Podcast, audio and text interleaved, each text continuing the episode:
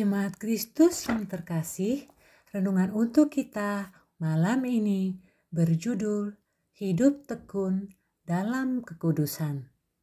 Dan bacaan kita diambil dari kitab Wahyu 14 ayat 6 sampai dengan 12. Beginilah firman Tuhan.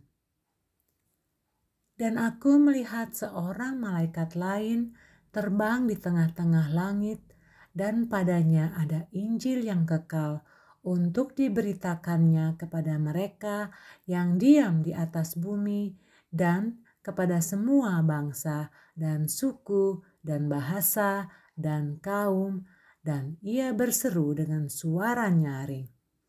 Takutlah akan Allah dan muliakanlah dia, karena telah tiba saat penghakimannya, dan sembahlah dia yang telah menjadikan langit dan bumi dan laut dan semua mata air.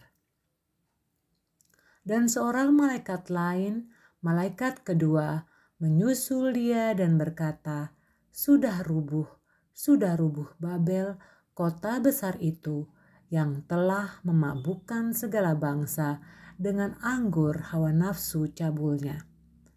Dan seorang malaikat lain, malaikat ketiga, menyusul mereka dan berkata dengan suara nyaring, "Jikalau seorang menyembah binatang dan patungnya itu dan menerima tanda pada dahinya atau pada tangannya, maka ia akan minum dari anggur murka Allah yang disediakan tanpa campuran dalam cawan murkanya, dan ia akan disiksa dengan api dan belerang di depan mata malaikat-malaikat kudus dan di depan mata anak domba. Maka asap api yang menyiksa mereka itu naik ke atas sampai selama-lamanya. Dan siang malam mereka tidak henti-hentinya disiksa, yaitu mereka yang menyembah binatang serta patungnya itu. Dan barang siapa yang telah menerima tanda namanya yang penting di sini ialah ketekunan orang-orang kudus yang menuruti perintah Allah dan iman kepada Yesus. Membaca kitab Wahyu dapat membuat kita merasakan suasana mencekap dan berbahaya.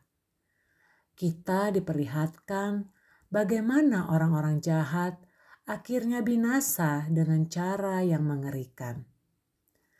Gambaran yang dikatakan Yohanes dalam kitab Wahyu tidak hanya berbicara bagaimana dunia ini nanti akan berakhir dan Allah menghakimi semua.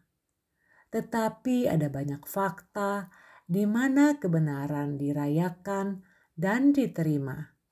Sedangkan kejahatan yang selama ini berkuasa akan binasa. Dari hal ini, kita dapat belajar bahwa akhir zaman atau hari Tuhan tiba bukan hanya menggambarkan kengerian dan kehancuran, tetapi juga berbicara tentang pemulihan kehidupan bagi setiap orang yang percaya kepada Kristus. Beriman kepada Kristus hanya satu-satunya jalan agar kita selamat dari semua ini dan beriman kepada Kristus bukan hanya dinyatakan dari mulut kita saja, tetapi juga harus nyata dalam tindakan kita hari lepas hari.